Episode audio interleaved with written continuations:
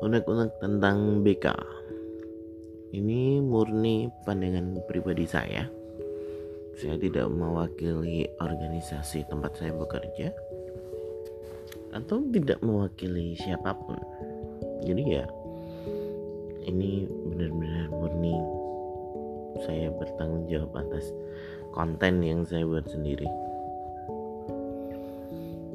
Kenapa sih harus membahas unek-unek tentang BK uh, eh, BK itu udah berdiri lama banget. Jadi kalau di Amerika sendiri itu udah mulai tahun 1910-an mulai perang dunia pertama. Mungkin kalian juga masih ingat bahwa awal kemunculan bimbingan konseling itu untuk ya untuk mengetes para calon tentara di Amerika. Sampai berkembang berkembang berkembang BK masuk ke sekolah dan dibawa ke Indonesia tahun 1970-an mulai resmi tahun 1975 ya hmm, udah panjang sih perjalanannya di Indonesia. Cuman sepertinya BK di Indonesia sering terdistorsi sama hal-hal yang uh, mungkin terdistorsi oleh peraturan pemerintah misalnya atau tentang anggapan orang tentang BK sehingga banyak yang menganggap BK di Indonesia itu lebih ke arah bimbingan karir lebih ke penyuluhan. Uh, banyak yang nyebut uh, bimbingan dan penyuluhan BP bahkan sampai tahun 2001 organisasi profesinya namanya Ikatan Petugas Bimbingan Indonesia sekarang udah ganti jadi Asosiasi Bimbingan dan Konseling Indonesia. Hmm, BK di Indonesia kalau menurut saya itu perlu direorientasi lagi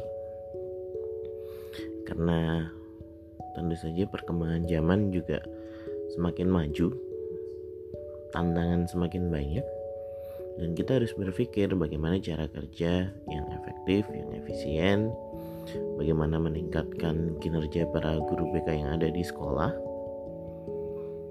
sehingga benar-benar layanan BK itu bisa dipertanggungjawabkan, bisa dinilai. Sudah sejauh mana guru-guru BK mau mempertanggungjawabkan kinerjanya coba? Ya mungkin karena memang belum ada kesepakatan bagaimana kinerja BK itu dinilai. Selama ini penilaian kinerja itu masih bersifat ya administratif RPL-nya ada programnya ada laporan evaluasi proses evaluasi hasilnya ada.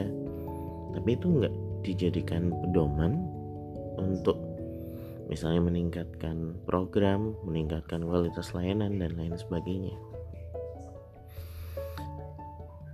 Kondisi di Indonesia yang seperti ini menurut saya ya hal yang wajar karena bahkan di Amerika sekalipun profesi konseling itu masih berkembang sampai sekarang.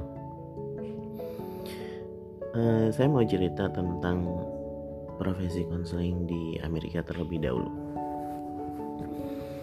Jadi konselor yang ada di Amerika itu sejak tahun sekitar tahun 2002 sejak munculnya ASCA National Model itu mulai beranjak mau rebranding diri dari yang awalnya mereka menyebut diri mereka itu guidance and counseling. Mereka rebranding jadi school counselor. Dan mereka serius untuk rebranding tersebut. Jadi mereka melakukan penelitian sebelum akhirnya memutuskan rebrandingnya disahkan. Jadi bikin penelitian beberapa orang diberi pelatihan diberi pengetahuan baru tentang efek sebuah nama. Jadi mereka diminta untuk rebranding terlebih dahulu menjadi school counselor. Gak mau disebut dengan guidance and counseling. Dan mereka menerapkan pola kerja baru yang sudah disusun oleh ASJA dalam bentuk Asia National Model. Jadi udah benar-benar menolak kalau mau disebut guidance and counseling. Nih mereka benar-benar fokus mau disebut school counselor dan juga ada beberapa hal pekerjaan yang mereka lakukan yang berbeda dari kegiatan bimbingan dan konseling yang dulu. Nah, uh, hasil penelitiannya mulai dirilis tahun 2017 dan menunjukkan ternyata efek penggunaan nama school counselor itu lebih meningkatkan kinerja para guru BK yang ada di Amerika. Jadi ya ternyata memang rebranding itu perlu dilakukan. Dan kalau memang benar-benar serius terhadap rebranding tersebut nggak cuma ganti nama sih tapi juga rebranding terhadap pola kerjanya program-programnya yang disebut Asia National Model tadi ternyata memang pekerjaan yang dilakukan oleh school counselor itu lebih baik daripada yang dilakukan oleh guidance and counseling. Nah kalau kalian bertanya uh, kenapa sih harus ganti nama? Apa sih pentingnya nama? Ternyata begini. Nama bimbingan atau guidance counselor guidance and counseling atau misalnya dalam layanannya group guidance classroom guidance itu ternyata sudah mendapatkan label negatif di mata para siswa, di mata orang tua, dan juga di mata guru. Label negatifnya seperti ini, jadi kesannya bimbingan atau guidance yang ada di Amerika itu, bimbingan itu kegiatan membimbing. Jadi konselornya yang lebih aktif, siswanya harus menurut karena dia dibimbing dan lebih terarah pada kegiatan karirnya. Nah, itu yang membuat uh, para konselor yang ada di Amerika berpikir gak bisa ini pakai nama guidance terus menerus sehingga mereka rebranding dengan kata school counselor tadi. Gak cuman rebranding nama school counselor mereka juga mulai menanggalkan istilah guidance di layanannya. Jadi mereka menyebutnya say no to G word. Jadi katakan tidak pada kata G tersebut kata G guidance tadi. Jadi selain dari branding nama dari guidance counselor ke school counselor mereka juga rebranding nama layanannya. Yang awalnya bimbingan kelompok atau group guidance diubah menjadi psycho educational group. Saya ulangi nama group guidance atau bimbingan kelompok mereka mengubah menjadi psycho educational group. Jadi kegiatan pembelajaran dalam tanda petik pembelajaran tentang perilaku psychoeducational group ada juga yang menyebut dengan school counseling core curriculum jadi eh, kalau bimbingan klasikal mereka biasanya menyebutnya school counseling core curriculum atau school counseling eh, classroom curriculum jadi kegiatan kegiatan klasikal atau kegiatan kelompok yang ditujukan untuk mencapai kurikulum yang sudah ditetapkan. Kurikulumnya berisi standar kompetensi para peserta didik yang harus dikuasai. Jadi eh, sampai segitunya mereka menanggalkan istilah G word tadi guidance-nya benar-benar kalau kalian mungkin yang punya Twitter bisa ngecek uh, cari aja kata say no to keyword kalian akan menemukan tweetnya para konselor yang ada di Amerika yang mereka benar-benar mau meninggalkan istilah bimbingan agar pekerjaannya lebih terasa profesional oleh para penggunanya. Selain mengubah tadi nama profesi dari guidance and counseling berubah menjadi school counseling terus group guidance sama classroom guidance berubah menjadi psychoeducational group atau uh, classroom curriculum. Mereka juga mulai meninggalkan istilah helping profession. Jadi mereka udah gak mau lagi disebut dengan profesi membantu. Karena eh, kesannya masih sangat dekat dengan bimbingan. Jadi ya bukan helping profession ini adalah counseling profession. Jadi mereka langsung menyebut ya ini profesi saya profesi counseling bukan helping profession. Jadi mereka melakukan rebranding fokus kepada counseling profession fokus pada kegiatan psychoeducational dan juga mereka menerapkan program ASCA National Model. Atau kalian bisa cari misalnya masukkan ASCA National Model atau RAMP Recognize Asia National Model Program. Jadi itu isinya tentang kalau di Indonesia mungkin seperti BK komprehensif tapi lebih lebih apa ya eh, seperti BK komprehensif tapi lebih tajam lagi lah kayak gitu coba deh kalian bandingkan program BK komprehensif yang ada di PUP dengan Asia National Model. Nanti pasti akan kelihatan bedanya di mana. Jadi uh, untuk meningkatkan kinerja ternyata rebranding itu perlu. Dan menurut saya di Indonesia juga harusnya udah berpikir mulai ke arah sini gitu.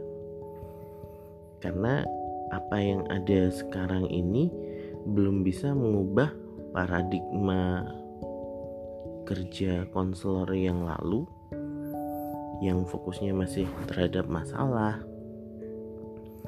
Fokusnya membantu siswa yang bermasalah. Waktu konselor habis untuk home visit untuk menyelesaikan masalah siswa. Sehingga ada siswa lain yang jumlahnya lebih banyak yaitu siswa yang dalam tanda petik normal dan tidak bermasalah yang tidak mendapatkan kesempatan untuk dilayani. Emang perlu dilayani? Ya perlulah. Kan kita harus melakukan kegiatan seperti tadi psycho-educational group, classroom, kurikulum yang tujuannya memang membantu para peserta didik kita untuk bisa mencapai perkembangan yang optimal.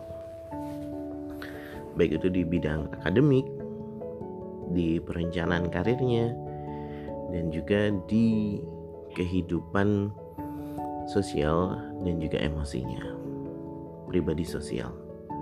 Jadi uh, jangan karena kita fokus pada layanan responsif akhirnya kita melupakan lebih banyak siswa yang membutuhkan bantuan atau membutuhkan layanan untuk dibantu mengembangkan dirinya. Jadi eh, kegiatan kita harus berfokus pada kegiatan preventifnya. Atau kalau misalnya ah nggak bisa ini aja nangannya homosid nggak selesai selesai kalau harus preventif nanti yang bermasalah gimana oke kalau misalnya kayak gitu coba porsi kerjanya dimulai perlahan diubah. Kalau sekarang masih fokus pada kuratif porsi kuratifnya sedikit demi sedikit dikurangi. Porsi preventifnya yang ditambah.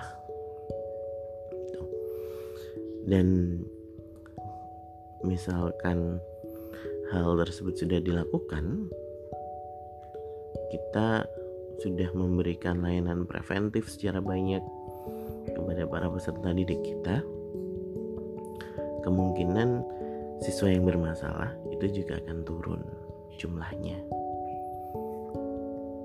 Siswa yang berprestasi jumlahnya akan meningkat dan mereka bisa dapat pengetahuan bagaimana bisa hidup secara sosial dan juga mengatur emosi pribadinya secara baik. Itu sih.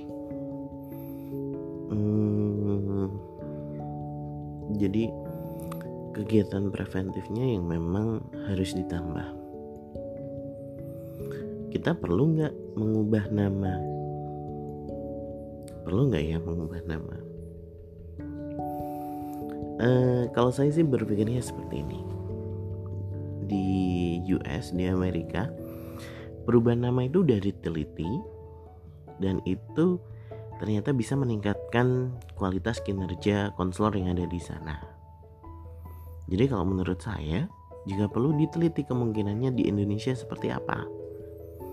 Jangan hanya misalnya kita punya pandangan what's the matter of name apa sih artinya nama gitu kerjanya sama aja enggak gitu karena memang sudah ada penelitian yang menunjukkan rebranding school counseling ini berhasil harusnya kita juga mencoba di Indonesia. Diteliti dulu deh sebelum kita ngomong alah pasti sama aja.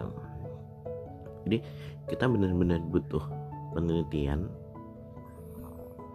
untuk memastikan apakah kalau kita melakukan rebranding menghilangkan embel-embel bimbingan, menghilangkan istilah profesi helping profession dan lebih fokus ke arah pencapaian tugas perkembangan kurikulum para siswa kita kerjaan kita bisa lebih baik apa enggak? Mereka bisa dapat manfaat yang lebih baik apa enggak? Kalau memang ternyata hasilnya sama dengan yang di Amerika ya harusnya mulai sekarang diubah paradigma bimbingan dan konselingnya. Hmm, itu kan masih jauh sih. Iya emang masih jauh. Kita mau sampai ke sana. Tapi coba deh diingat-ingat lagi. Indonesia ini adalah negara yang besar dan kita akan menghadapi bonus demografi di tahun 2045. 2045 itu mereka yang kerja ya yang lahir mulai di tahun 2020 ini. Kalau kita nggak mempersiapkan generasi alpha, generasi yang lahir di tahun sekarang-sekarang atau generasi milenial tidak kita bekali dengan kegiatan preventif dan pengembangan diri yang memadai, terus siapa yang akan memimpin Indonesia nanti? Uh, kalau kita ingat-ingat lagi, kalian boleh browsing tentang keterampilan apa yang dibutuhkan di abad 21 keterampilan apa yang dibutuhkan di era society 5.0 atau di era revolusi industri 4.0 kita butuh keterampilan-keterampilan bagaimana berpikir kreatif bagaimana berpikir kritis bagaimana kita berkomunikasi dengan orang lain, berkolaborasi, dan tentu saja akan banyak tantangan di sana. Sehingga kita benar-benar harus mempersiapkan para generasi muda kita agar mereka bisa bersaing nanti di Indonesia Emas 2045 pada saat Indonesia punya bonus demografi. hmm, sekali lagi kita nggak boleh menjas uh, perubahan nama atau rebranding itu nggak penting.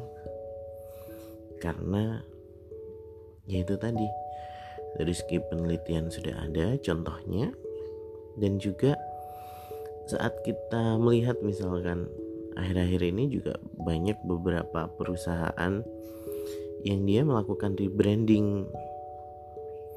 Mulai dari mengubah font huruf pada logonya, mengubah logonya menjadi dinamis,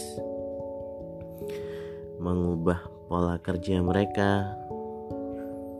Itu semuanya berdampak loh terhadap uh, perkembangan usaha mereka sehingga hal ini juga tidak sangat tidak menutup kemungkinan bahwa kinerja BK akan membaik kalau kita melakukan rebranding. So, rebrandingnya nunggu kapan? Udahlah kita kita uh, mungkin saya saya nggak punya akses yang bisa menggerakkan seluruh konselor mungkin organisasi profesi uh, saya nggak punya akses ke sana saya hanya punya akses melalui podcast ini. Uh, saya mengajak para pendengar semuanya terutama yang ada di profesi bimbingan dan konseling ayo deh kita mulai rebranding diri kita. Kita rebranding bahwa profesi ini adalah profesi konseling profesi yang bertujuan untuk mengembangkan potensi para peserta didik baik dari segi akademik pribadi sosial dan juga karir karena ke depannya tantangan akan semakin berat sehingga kegiatan-kegiatan preventif harus lebih banyak kita lakukan. Kalau nggak dapat jam gimana? Udah deh, coba dipikirin sebaik-baiknya. Kalau merasa yang terbaik pakai brosur ya udah pakai brosur. Kalau merasa yang lebih baik pakai Instagram, boleh pakai Instagram. Karena Eh, konselor di Amerika pun mereka masih banyak yang pakai Twitter. Mereka membuka sesi konseling online. Mereka menyebutnya Twitter chat session. Jadi mereka uh, bikin sesi-sesi di hari-hari tertentu yang para siswanya bisa chatting, baik itu chatting langsung maupun mereka curhat melalui Twitter tadi untuk nantinya diberi tanggapan. Maksud saya adalah coba deh kita pikirin sebanyak mungkin hal sebanyak mungkin media yang bisa kita gunakan baik itu yang menggunakan teknologi maupun tidak menggunakan teknologi agar kegiatan preventif kita bisa nyampe kepada para peserta didik. Para siswa itu hmm, mereka kalau nggak diajari juga nggak tahu harus melakukan apa. Mereka bingung mungkin atau belum kepikiran ke arah sana sehingga kita harus memfasilitasi dengan kegiatan-kegiatan preventif pengembangan diri agar mereka bisa berkembang secara optimal. Kalau ada tantangan yang datang, ada masalah yang datang, mereka bisa menghadapi dengan baik. Itu sih, hmm, ini pikiran random unek-unek tentang BK harapannya para konselor saat ini dan konselor masa depan bisa ya kita sama-sama berpikir gimana kegiatan preventif yang oke okay, bagaimana kegiatan preventif yang bisa mendukung tercapainya standar kompetensi para siswa ini sehingga profesi kita profesi konseling itu tidak lagi dipandang sebelah mata tidak dianggap ada dan tidak adanya sama aja tidak dianggap tidak punya kontribusi terhadap para siswa atau kepada sekolah itu yang harus kita lawan. Dan yang terpenting adalah niat kita satu bagaimana mem bangun bagaimana mengembangkan manusia yang lebih memiliki etika manusia yang lebih baik dari manusia-manusia yang sudah ada sebelum-sebelumnya. Better human lah. Better human. Bagaimana kita membentuk generasi yang lebih baik dari generasi yang sudah ada. Sih. Kalau ada yang mau diskusi boleh. Kalian bisa chat. Kalian bisa tulis komentar. Kalian bisa menghubungi saya kalau udah punya kontaknya biar kita bisa merumuskan biar kita bisa dapat gambaran yang lebih baik profesi BK ke depannya harus seperti apa. Tuh makasih udah mendengarkan 20 menit 28 menit. Lumayan lah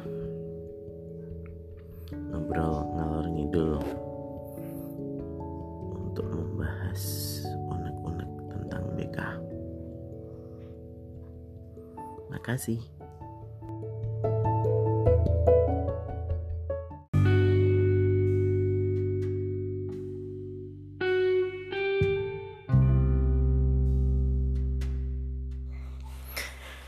Setelah podcast yang pertama saya publikasikan kepada beberapa orang, ternyata banyak yang kaget. Emang beneran istilah bimbingan udah nggak dipakai lagi di Amerika? Tahu dari mana mereka nggak mau pakai nama bimbingan lagi? Iya, jadi ceritanya gini. Memang sih, uh, saya nggak pernah ngobrol secara langsung dengan konselor-konselor yang ada di Amerika. Cuman dari beberapa hal yang sudah saya lakukan itu menunjukkan tren yang seperti itu. Jadi saya ngajar mata kuliah bimbingan kelompok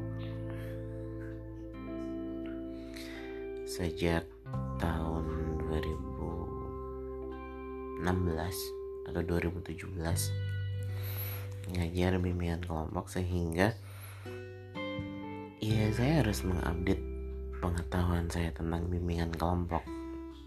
Saya penasaran dong teknik-teknik bimbingan yang terbaru itu kayak gimana? Teknik-teknik bimbingan kelompok yang terbaru itu seperti apa di Amerika sana saya search dari beberapa jurnal. Ada dari jurnalnya Sase Sage dari Taylor and Francis. Ternyata penggunaan istilah group guidance kalau saya search artikel dengan kata kunci group guidance itu yang muncul artikel-artikel lama jadi artikel tahun 80, 85, 90 tahun 2000 yang paling baru pun itu cuma 2009 dan setelah 2009 itu udah nggak ada artikel baru yang pakai judul group guidance. Atau small group guidance itu nggak ada uh, kebetulan saya baca bukunya Edward Orientation of Counseling Profession. Judulnya itu. Saya nggak punya bukunya. Saya cuman baca edisi gratisnya yang ada di Google Playbook. Kalian juga bisa baca sendiri cari aja Edward.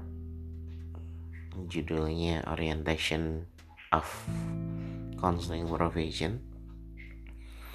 Atau bukunya Edward yang judulnya Group Works Theories and Practice.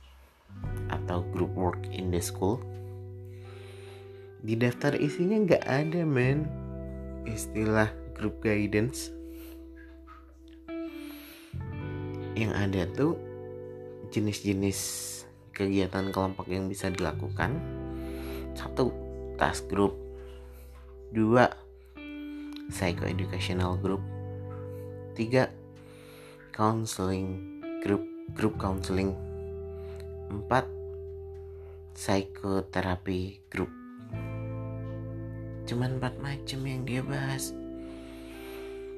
Nah terus grup guidance masuk mana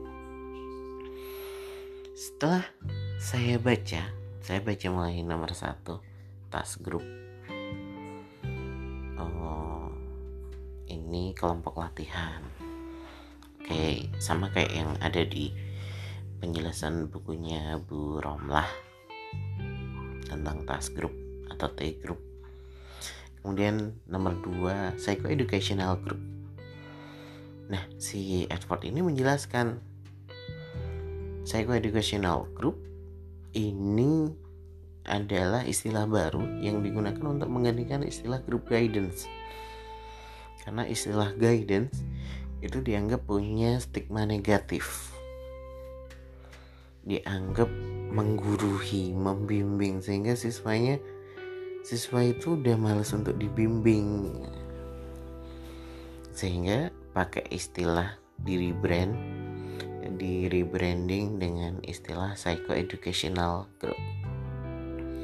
Psycho educational. Jadi uh, siswa itu lebih lebih percaya ini bahwa ini adalah kegiatan belajar tentang bagaimana saya harus berperilaku. Karena ini pelajaran sifatnya lebih saintifik. Kira-kira seperti itu. Dan Edward juga menjelaskan psychoeducational group ini memang adanya di sekolah. Awalnya memang muncul di sekolah dalam bentuk group guidance atau small group guidance tadi. Walaupun sekarang sudah berkembang ke arah terapi terapi kesehatan. Jadi memang istilah guidance itu udah nggak dipakai lagi di bukunya Edward. Terus berikutnya setelah nyari jurnal nggak ketemu baca bukunya Edward ternyata ada penjelasan yang seperti itu.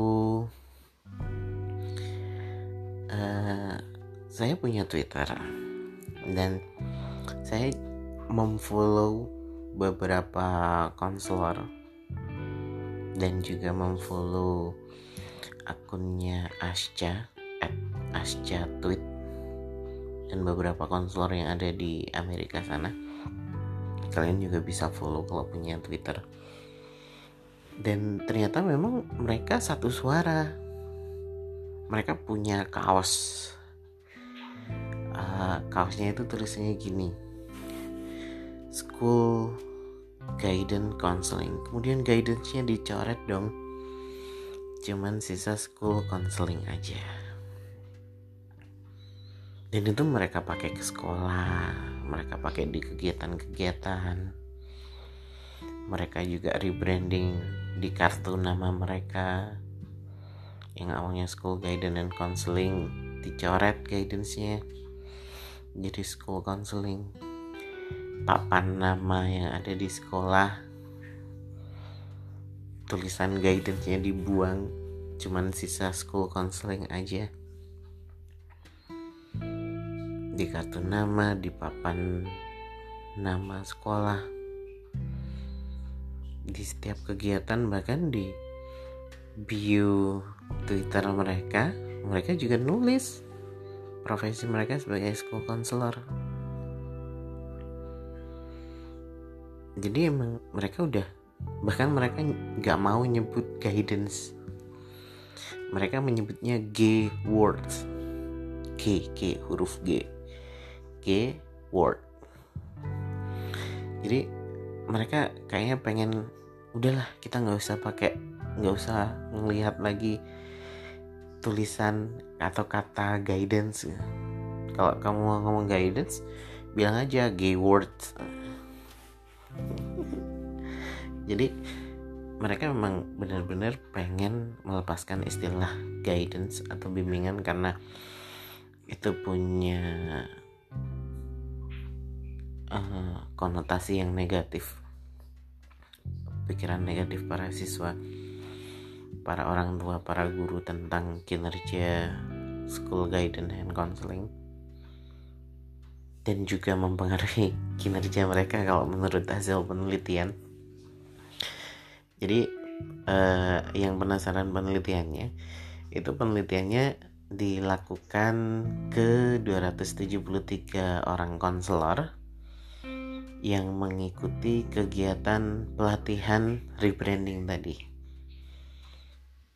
Rebranding tentang school counseling sama program Asia National Model atau RE atau ada juga yang nyebut RAMP Recognize as Asia National Model program. Jadi mereka dilatih dan ternyata memang menunjukkan hasil kinerja yang berbeda jauh dengan yang sekolah tidak pakai rem tadi RAMP tadi yang tidak pakai rebranding tadi sehingga dari hasil penelitian itu jadi dimunculkan bahwa kita semuanya harus rebranding nggak boleh pakai istilah guidance lagi Kalian mulai sekarang harus bangga menyebut profesi ini adalah sebagai profesi konseling. Jadi salahlah seperti itu. Jadi memang benar kalau kalian mau nyari jurnal tentang bimbingan kelompok, cari tantan yang terbaru dari jurnal internasional susah. Kebanyakan namanya Psycho Educational Group. ya itu sih kalian boleh cek dari smartphone kalian cek aja cari jurnal yang baru tentang grup guidance pasti nggak ada dan harusnya kita juga meniru karena menurut saya pribadi atau mungkin coba kalian tanya kepada orang tua atau kepada adik-adik kalian kepada ponakan yang ada di sekolah menurut mereka kata bimbingan itu seperti apa? Menurut mereka guru bimbingan konseling itu seperti apa?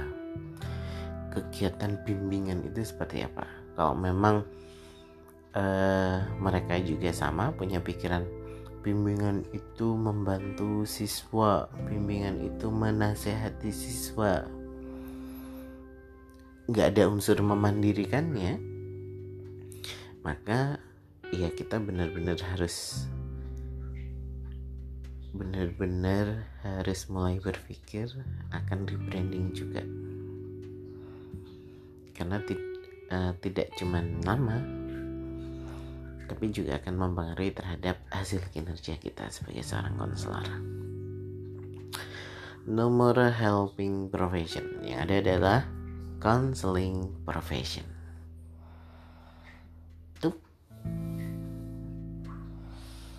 Uh,